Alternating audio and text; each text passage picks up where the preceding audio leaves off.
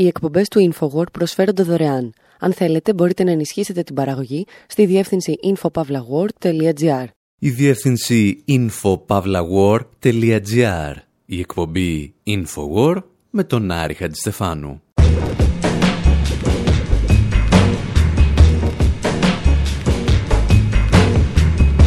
Όπου σήμερα επιχειρούμε να μιλήσουμε για ένα θέμα που δεν γνωρίζουμε στην ολότητά του, χρησιμοποιώντας ένα μέσο επικοινωνίας που δεν προσφέρεται για την ανάλυση του. Κάνουμε δηλαδή αυτό που ορισμένοι αποκαλούσαν από παλιά δημοσιογραφία. Αναλύουμε τα χρώματα που κυριαρχούν σε γνωστές τηλεοπτικές σειρές και ταινίες και υποπτευόμαστε ότι αυτοί που τα επιλέγουν σκέφτονται βαθιά πολιτικά. Αναρωτιόμαστε γιατί όλες οι τηλεσυρές στο Netflix, οι οποίες διαδραματίζονται στη Μέση Ανατολή ή τη Λατινική Αμερική, είναι κίτρινες σαν χαλασμένη μουστάρδα. Και γιατί τα στελέχη της Wall Street είναι σχεδόν πάντα μπλε. Ουσιαστικά επιχειρούμε αυτό που κανένας ραδιοφωνικός παραγωγός δεν θα έπρεπε να κάνει. Να εξηγεί τη λογική των χρωμάτων που χρησιμοποιούνται σε τηλεοπτικές σειρές και ταινίες. Και ύστερα αλλάζουμε θέμα. Με αφορμή την απόφαση της Γερμανίας να βάζει στη φυλακή όσους καίνε τις σημαίες της Ευρωπαϊκής Ένωσης, συζητάμε για χώρες που τις καίνε και το χαίρονται.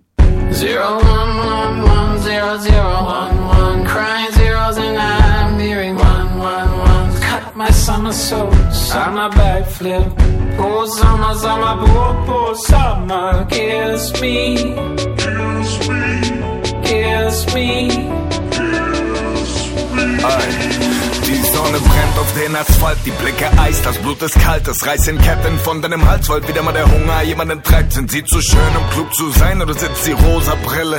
So gut, so gut, sie guckt am Elend glatt vorbei, solang's in Sommernächten schneit, sind sie zum Nachdenken zu high und jedes Licht, das zu hell scheint, holt auch der Schatten irgendwann ein. Genieß deinen Flug, solange du noch kannst, denn die Geier wartet schon auf deinen Fall und deine kleine heile Welt zerbröselt zu wie der weißer Stein auf dem Spiegel. Sie haben alle keine Ziele, Gesichter wie Engel, doch verdienen keine Flügel.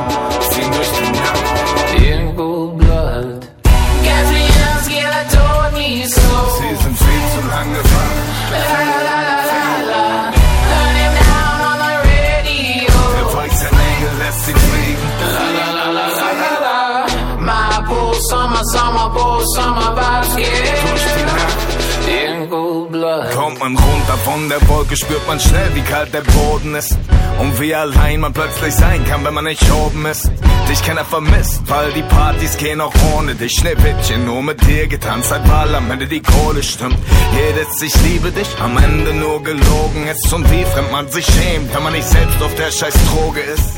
Feiert ohne mich, vergisst meinen Namen gleich, denn es zieht Lebenszeit vorbei in deinem eingerollten Schein. Auf dem Spiegel Sie haben alle keine Ziele, Gesichter wie Engel, doch verdienen keine Flügel.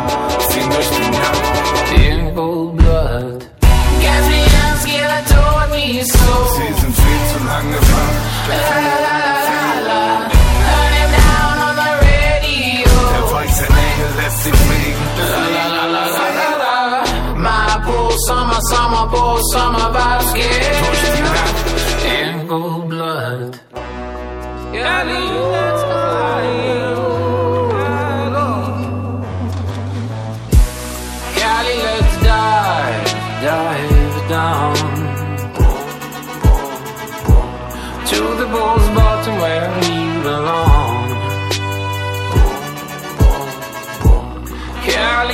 sinking like a bleeding stone. All above, crowd around, so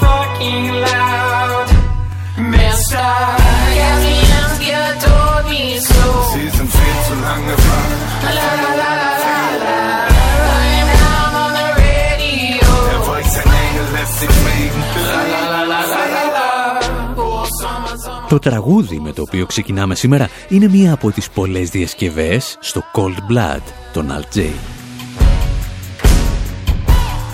Ο τίτλος του προέρχεται από το ομότιτλο βιβλίο του Τρόμαν Καπότε, «Εν ψυχρό», Τους στίχους πάλι δεν έχει ιδιαίτερο νόημα να τους αποκρυπτογραφήσουμε. Κυρίως γιατί το κομμάτι ξεκινά με τον αριθμό 0111-0011, το οποίο είναι απλώς το λατινικό γραμμα S στο σύστημα κωδικοποίησης χαρακτήρων ASCII. Ο μόνος λόγος λοιπόν για τον οποίο μας ενδιαφέρει το τραγούδι είναι γιατί το χρησιμοποιούν στο τρέιλερ της ταινίας Extraction που κυκλοφόρησε τον Απρίλιο του 2020 στο Netflix.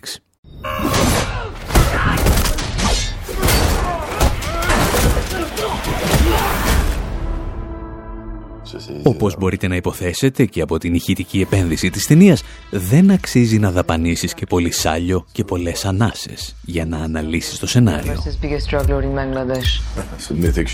Απλώς να σας πούμε πως Ινδοί και Μπαγκλαντεσιανοί βαρώνει των ναρκωτικών συγκρούονται, καλός λευκός μισθοφόρος σώζει το παιδί, κερδίζει το κορίτσι, τέλος της υπόθεσης.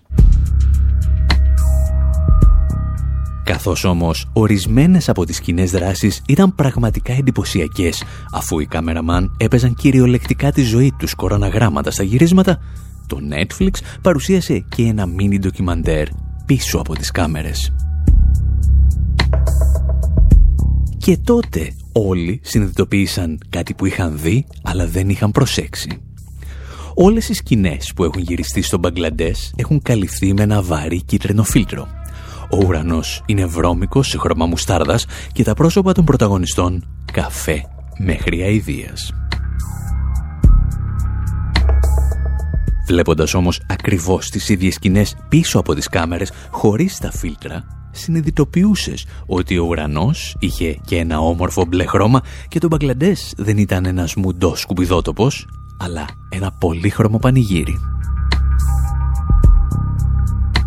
Και ύστερα κάποιοι άρχισαν να σκέφτονται πόσες τηλεσυρές και ταινίες έχουν δει πρόσφατα, οι οποίες όταν εκτιλήσονται στην Ασία ή τη Λατινική Αμερική αποκτούν ένα έντονο κίτρινο χρώμα που καλύπτει τα πάντα. Κάποιοι μάλιστα σχολίασαν ότι όσο χαμηλότερο είναι το ακαθάριστο εθνικό προϊόν μιας χώρας, τόσο πιο μουσταρδί γίνεται το χρώμα της ταινίας στην οποία παρουσιάζεται. Κάποιοι άλλοι το ονόμασαν το μεξικανικό φίλτρο. Και πολύ περισσότεροι υποστήριξαν ότι αυτή είναι μία ακόμη ρατσιστική τεχνική της αμερικανικής βιομηχανίας του θεάματος. Και για αυτά τα χρώματα και ορισμένες τηλεοπτικές σειρές και ταινίες σκεφτήκαμε να σας μιλήσουμε σήμερα. Προφανώς, το λεγόμενο color grading μιας ταινίας είναι μια ολόκληρη επιστήμη και θα χρειαζόμασταν δεκάδες εκπομπές για να ξύσουμε απλώς την επιφάνεια. Εμείς σήμερα συζητάμε για τις περιπτώσεις όπου τα κίνητρα μας φαίνονται ελαφρώς πολιτικά και όχι τόσο αισθητικά. Περισσότερα ύστερα από αυτό. Oh.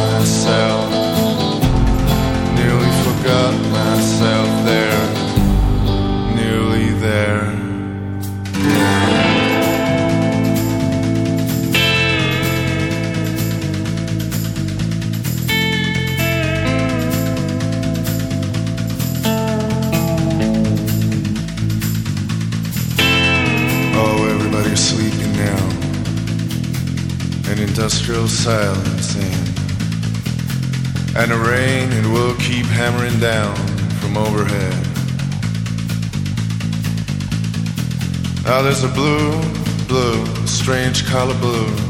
Let me dream of me and you. Oh, while the rain keeps coming down. Οι Μαντρουγκάντα τραγουδούν για ένα περίεργο μπλε χρώμα, το οποίο συνδέουν με μια βιομηχανική ησυχία. Ίσως ο καλύτερος τρόπος να περιγράψεις μία από τις τάσεις που επικρατούν τα τελευταία χρόνια στο λεγόμενο color grading, τη διαχείριση δηλαδή των χρωμάτων σε μία ταινία. Πολύ χονδροειδός και εξωφρενικά απλουστευτικά θα λέγαμε ότι καπιταλιστικές μητροπόλεις είναι μπλε και περιφέρειες του καπιταλιστικού συστήματος είναι βρώμικα κίτρινες. Μπλε όπως το χρώμα που εκπέμπουν οι οθόνες των υπολογιστών, κίτρινο όπως το χρώμα της σκόνης που καλύπτει τις παραγκουπόλεις.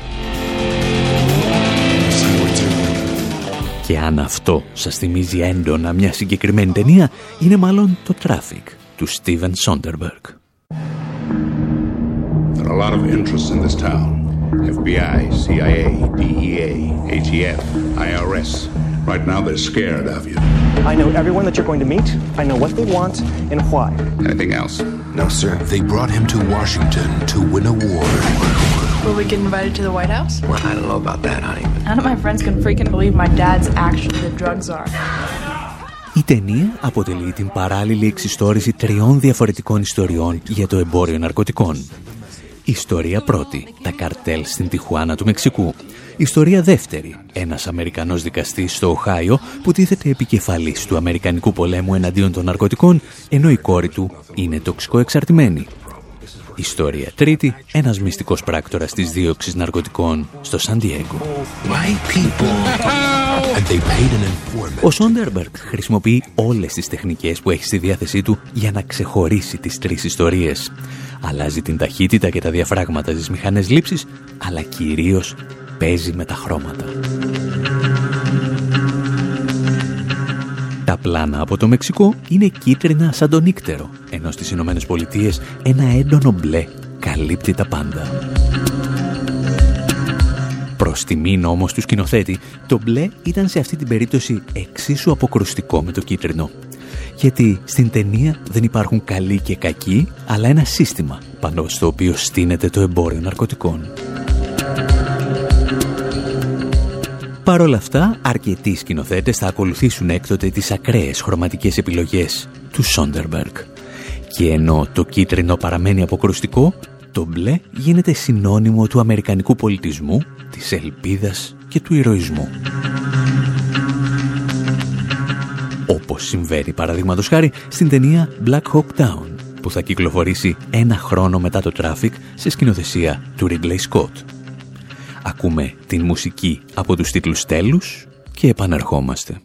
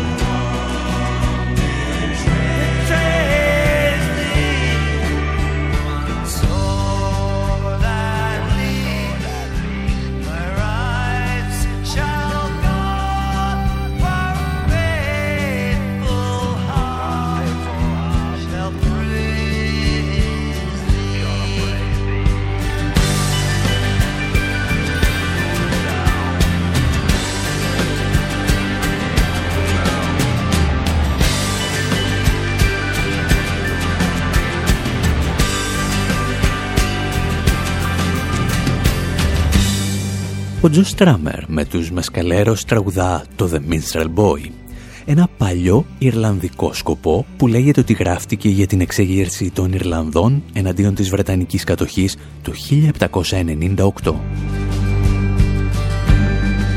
Επειδή όμως η συγκεκριμένη θεωρία δεν επιβεβαιώθηκε ποτέ, το τραγούδι έφτασε να το χρησιμοποιεί στις παρελάσεις του ακόμη και ο Βρετανικός στρατός. Και ίσως κάπως έτσι να εμφυλοχώρησε και στους τίτλους τέλους της ταινίας Black Hawk Down. Η ταινία του Ridley Scott περιγράφει την αποτυχημένη επιχείρηση των Αμερικανικών δυνάμεων στη Σομαλία το 1993 εμάς σήμερα μας ενδιαφέρουν μόνο τα χρώματα που χρησιμοποιεί ο σκηνοθέτης. Για να μπείτε όμως και στο πολιτικό κλίμα, ίσως θέλετε να θυμηθούμε με ποιο τρόπο η ταινία χρηματοδοτήθηκε έμεσα από το Αμερικανικό Πεντάγωνο. Τα εξηγούσαν πολύ καλύτερα οι συντελεστές του ντοκιμαντέρ Operation Hollywood. Most American war movies made since World War II have had direct help from the American Army. Οι περισσότερες από τις ταινίες που γυρίστηκαν μετά το Δεύτερο Παγκόσμιο Πόλεμο λάβαναν άμεσα βοήθεια από τον Αμερικανικό στρατό. Η μακρά λίστα περιλαμβάνει διάσημες ταινίες όπως το Pearl Harbor, το Black Hawk Down, το Top Gun. Προκειμένου μάλιστα να έχει άμεση πρόσβαση στο Hollywood, το Πεντάγωνο έστησε ειδικό γραφείο στο Hollywood. Η πολεμική αεροπορία, το ναυτικό, ο στρατός ξηράς και οι πεζοναύτες εκπροσωπούνται σε αυτό το γραφείο. Κάθε όπλο εμπλέκεται άμεσα σε ταινίες που παρουσιάζουν τη δράση του. Each military branch is directly involved in films that portray it in action. Οι κανόνες εμπλοκής του Πενταγώνου στη βιομηχανία του θεάματος δεν είναι πάντα οι ίδιοι και σίγουρα δεν θυμίζουν σε τίποτα την απλουστευτική προπαγάνδα του Πρώτου και του Δευτέρου Παγκοσμίου Πολέμου. Για να κερδίσουν τη συνεργασία των ενόπλων δυνάμεων, οι παραγωγοί ταινιών δεν χρειάζεται να δείχνουν πλέον τις νικηφόρες μάχες. Αρκεί να μην χάνεται ποτέ το στοιχείο του ηρωισμού, που υποτίθεται ότι χαρακτηρίζει και τον τελευταίο Αμερικανό στρατιώτη.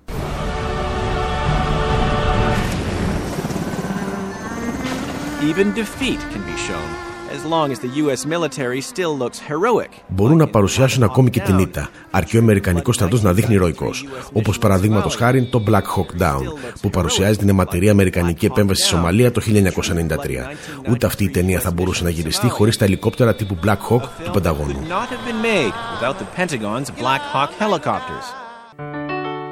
Why does my heart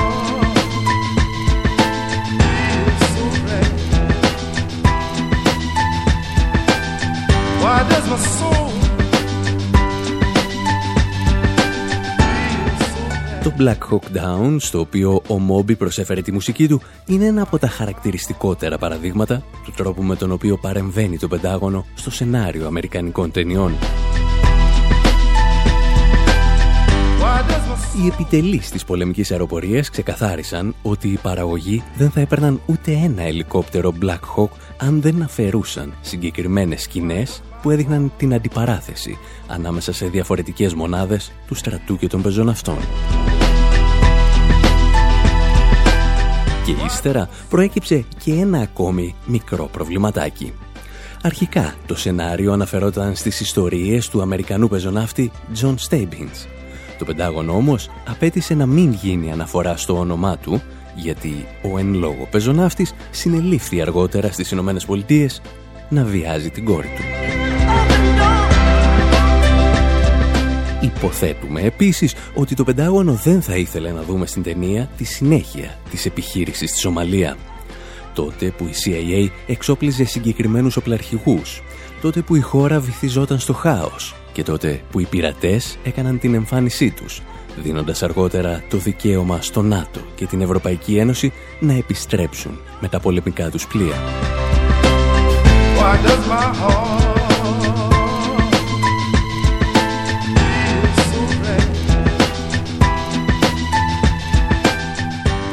Εμάς πάλι σήμερα, όπως σας είπαμε, μας ενδιαφέρει το πώς ο Ridley Scott χρησιμοποιεί τα χρώματα στην ταινία για να περάσει τα δικά του πολιτικά μηνύματα. Οι σκηνές της Σομαλίας έχουν ένα βαθύ βρώμικο πορτοκαλί φίλτρο.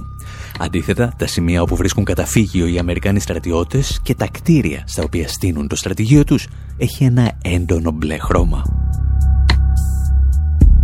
Πολύ θεωρητικά θα έπρεπε να ισχύει το αντίθετο. Τα ζεστά χρώματα να παραπέμπουν στην ασφάλεια και την θαλπορή και τα ψυχρά στην ένταση και στην αγωνία.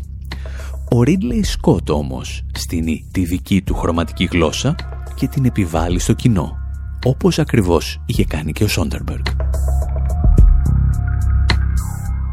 Κάθε μπλε σκηνή με Αμερικανούς στρατιώτες σου προκαλεί ένα αίσθημα ασφάλειας, ενώ κάθε πορτοκαλί σκηνή με Σομαλούς σε αφήνει εκτεθειμένο στο πεδίο της μάχης, στη χώρα των βαρβάρων. Και όταν ο εχθρός πλησιάζει και οι Αμερικανοί στρατιώτες βρίσκονται σε κίνδυνο, ακτίδες από το κίτρινο φως αρχίζουν να εισέρχονται στο μπλε χώρο τους. Εδώ δεν υπάρχει πλέον καμία αμφιβολία για τον ποιον πρέπει να θεωρείς καλό και σύμμαχο και ποιον κακό και αντίπαλο. Όλα έρχονται στο φως και στο χρώμα. Τα τελευταία χρόνια βέβαια αυτές οι χρωματικές παρεμβάσεις γίνονται όλο και πιο εμφανείς ή, αν μας επιτρέψετε, πιο χιδαίες. Στο Breaking Bad, λόγου χάρη, το Μεξικό είναι πάντα κίτρινο, ενώ τα χρώματα διορθώνονται ελαφρώς όταν επιστρέφουμε στο εσωτερικό των ΗΠΑ. Κίτρινη ήταν και η Ινδία στο Slumdog Millionaire. Κάποιες φορές βέβαια ο σκηνοθέτης θέλει απλώς να δώσει την αίσθηση της ζέστης και κάποιες φορές την αίσθηση της παρακμής, του κινδύνου και του αποτυχημένου κατά αυτόν τρίτου κόσμου.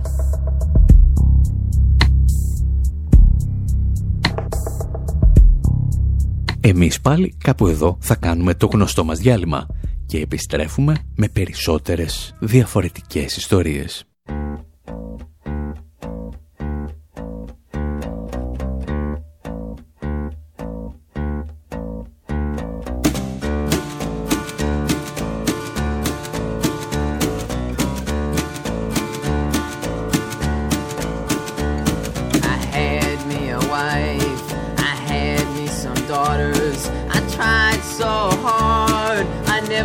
Still waters, nothing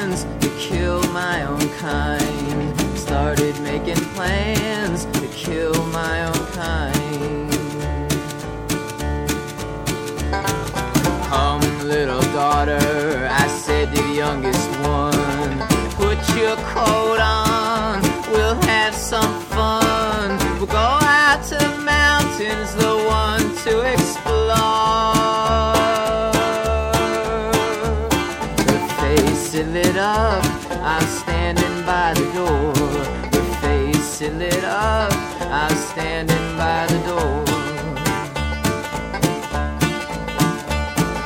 Come, little daughter, I will carry the lanterns. We'll go out tonight we'll go to the caverns. We'll go out tonight.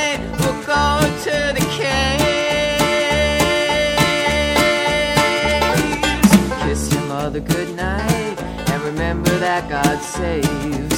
Kiss your mother goodnight and remember that God saves.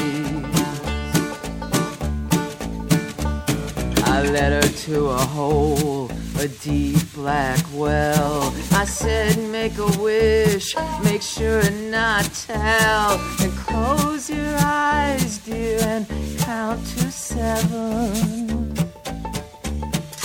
Know your papa loves you, good children go to heaven. Know your papa loves you, good children go to heaven. I gave her a push I gave her a shove. I pushed with all my might. I pushed with all my love. I threw my child into a bottomless pit.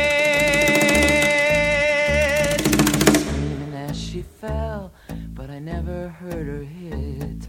She was screaming as she fell, but I never heard her hit.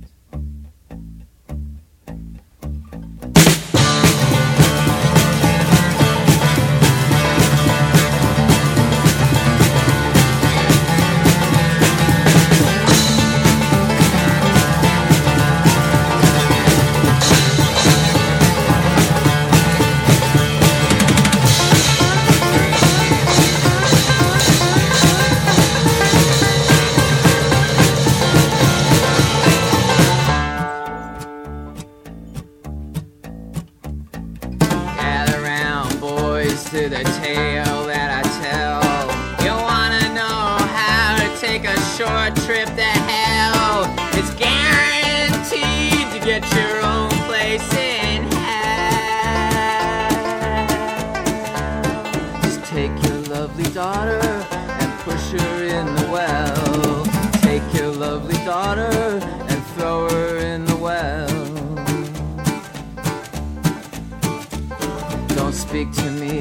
lovers with a broken heart. You wanna know what will really tear you apart? I'm going out to the barn with a never stopping pain. I'm going out to the barn to hang myself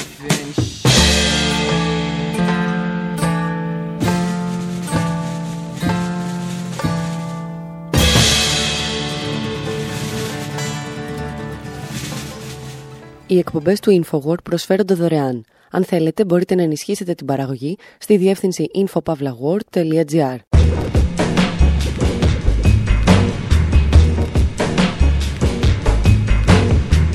Η εκπομπή InfoWord με τον Άρη Χατζηστεφάνου όπου με αφορμή την απόφαση της Γερμανίας να βάζει τρία χρόνια στη φυλακή όποιον καίει μια σημαία της Ευρωπαϊκής Ένωσης ή οποιασδήποτε άλλης χώρας, θυμόμαστε πόσο φωτεινός ή πόσο σκοτεινός μπορεί να είναι ο κόσμος όταν καίγεται μία σημαία. Αφήνουμε τους Αμερικανούς να καίνε υπερήφανα την αστερόεσα και μαζί κάτι ναζιστικές σημαίες που κοιμάτιζαν κάποτε στα λιμάνια τους.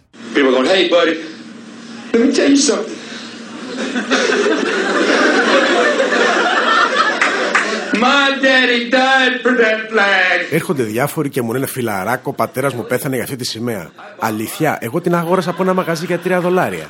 Φίλο, ο πατέρας μου πέθανε στον πόλεμο της Κορέας για αυτή τη σημαία. Κοίτας σύμνη σου, η δική μου γράφει Made in Korea. Φίλο, πατέρας σου δεν πέθανε για μια ρημαδο σημαία. Αυτή είναι ένα κομμάτι πανί. Πέθανε για όσα συμβολίζει αυτή η σημαία. Δηλαδή την ελευθερία να μπορείς να την κάψεις τη τη σημαία.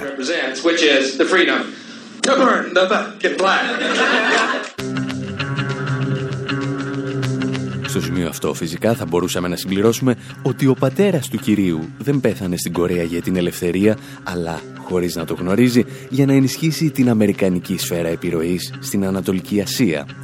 Αλλά μια τέτοια παρατήρηση ενδέχεται να μας απομακρύνει από το θέμα μας. Γιατί αυτό που συζητάμε σήμερα αφορά τις σημαίες στις Ηνωμένες Πολιτείες μία από τις λίγες χώρες σε αυτόν τον κόσμο όπου δεν υπάρχει σαφής νομοθεσία που να απαγορεύει το κάψιμο ή με οποιονδήποτε άλλο τρόπο την καταστροφή μιας σημαίας. Και δεν είναι τυχαίο ότι σε αυτή τη χώρα γεννιούνται και συγκροτήματα όπως η Anti-Flag. Τους ακούμε για πολύ λίγο και επανερχόμαστε.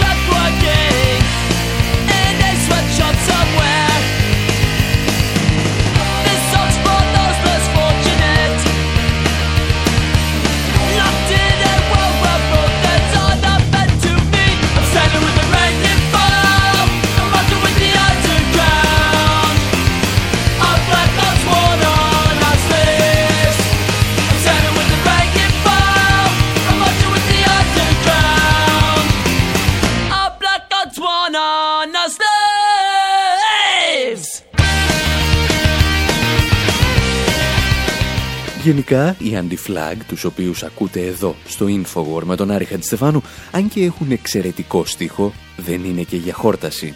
Οπότε λέμε να μην σας κουράζουμε άλλο με δάφτους. Γιατί εμείς εδώ συζητάμε για σημαίες.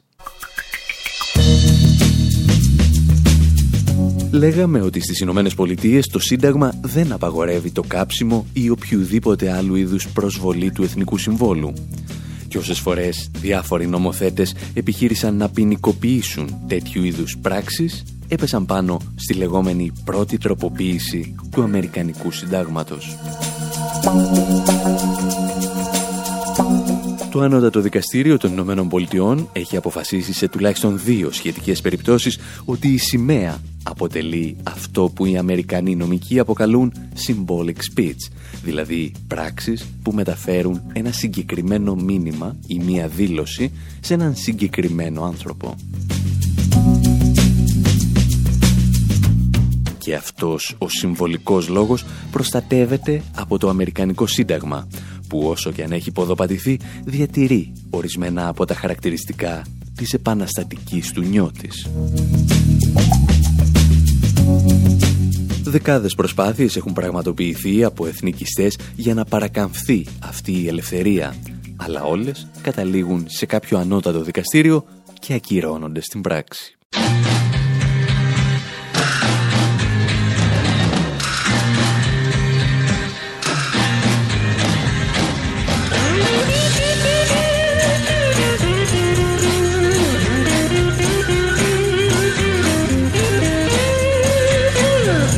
Must be some kind of way out of here. Say the joker to the thief. There's too much confusion. I can't get no relief. Businessman there, drink my wine. Plowman,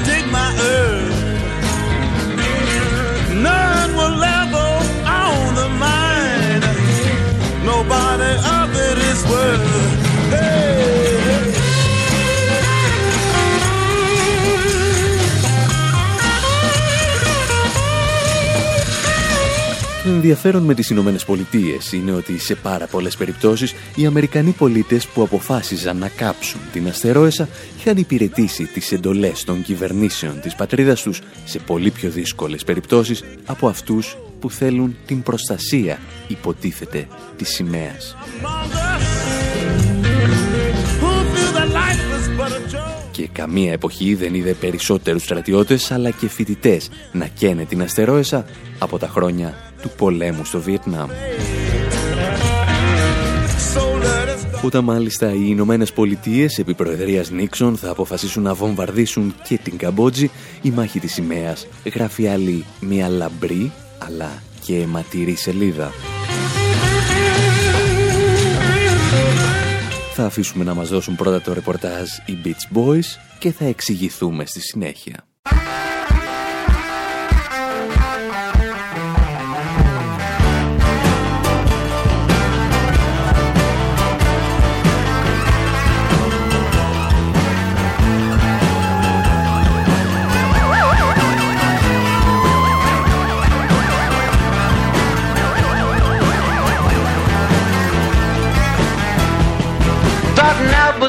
Berkeley free speech and later on at People's Park. The winds of change fanned into flame, student demonstrations spark. Down to Isla Vista, where police felt so harassed. They called the special riot squad of the LA County Sheriff when there's a riot going on.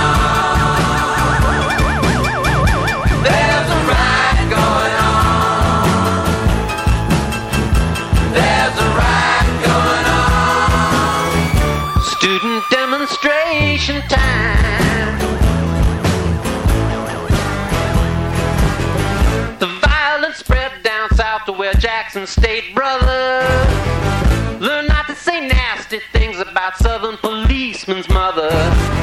Nothing much was said about it, and really next to nothing done. The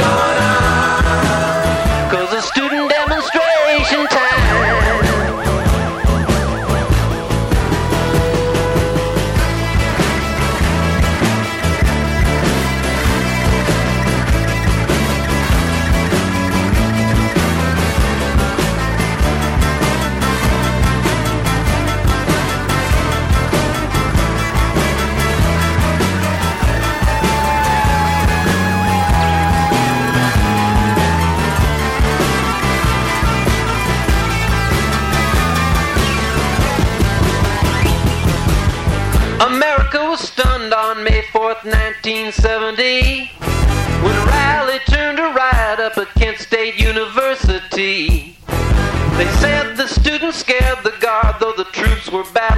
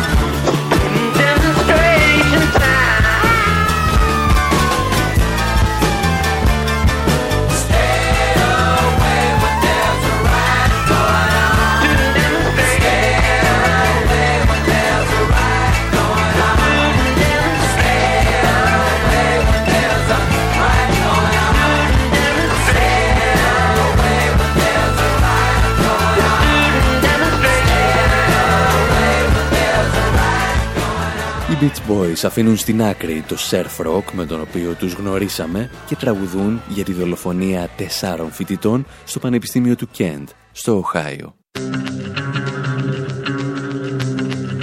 Τραγουδούν για εκείνη τη μέρα της 4ης Μαΐου του 1970 όταν ένας ειδικός φρουρός έριξε 67 σφαίρες σε άοπλους φοιτητές που διαδήλωναν εναντίον των Αμερικανικών βομβαρδισμών στην Καμπότζη.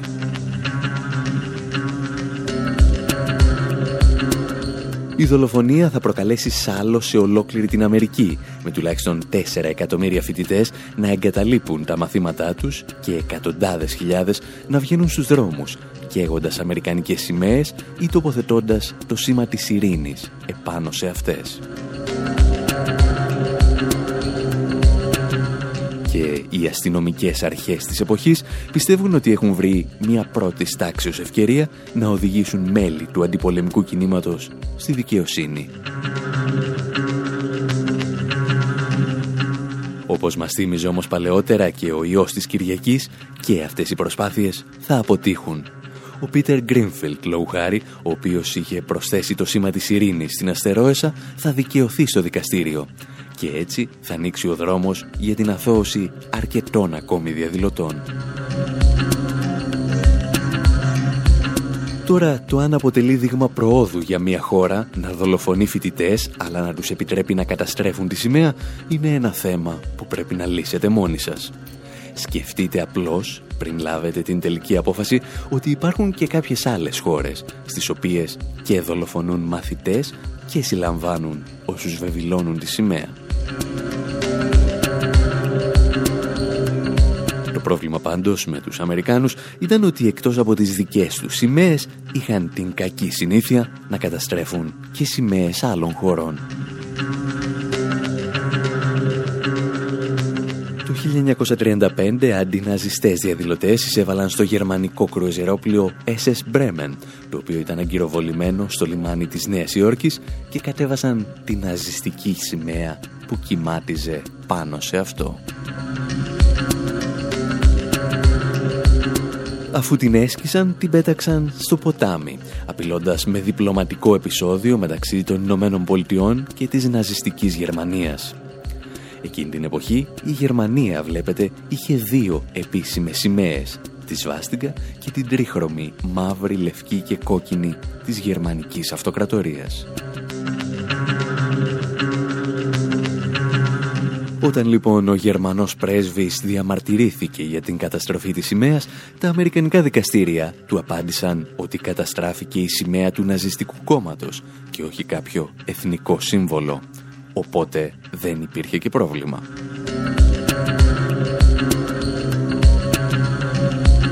Με αφορμή λοιπόν αυτό το γεγονός, η ναζιστική Γερμανία αποφάσισε να υιοθετήσει τη σβάστηκα ως μοναδική σημαία της χώρας. Οι Ηνωμένε Πολιτείες βέβαια έκαναν μαγκές απέναντι στο Χίτλερ ενώ ακόμη οι εταιρείες και οι τραπεζίτες τους τον εξόπλιζαν και τον χρηματοδοτούσαν. Αλλά είπαμε, εμάς σήμερα μας ενδιαφέρουν μόνο οι σημαίες. Και αυτές οι κατεστραμμένες σημαίες θα μας φέρουν από τις Ηνωμένες Πολιτείες πίσω στην Ευρώπη, Ύστερα όμως από ένα μικρό διάλειμμα.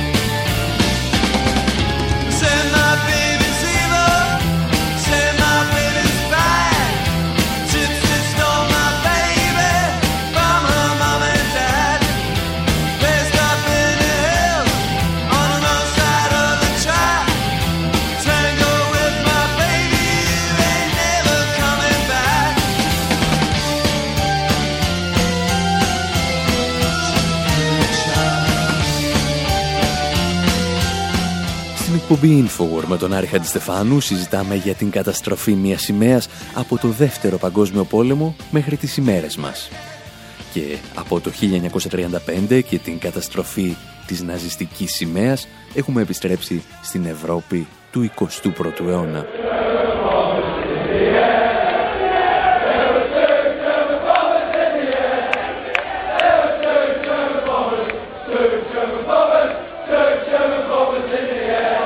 Ο δεύτερος παγκόσμιος πόλεμος έχει τερματιστεί, αλλά Άγγλοι και Γερμανοί έχουν ακόμη κάτι μικροδιαφορές να επιλύσουν. Κάθε φορά που η Εθνική Αγγλίας συναντούσε την Εθνική Γερμανίας, οι Άγγλοι φύλαθλοι τραγουδούσαν ένα παιδικό τραγουδάκι του Δευτέρου Παγκοσμίου Πολέμου, το οποίο πήγαινε κάπως έτσι.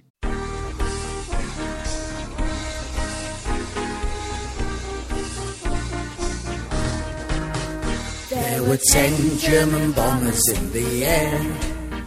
There were ten German bombers in the air.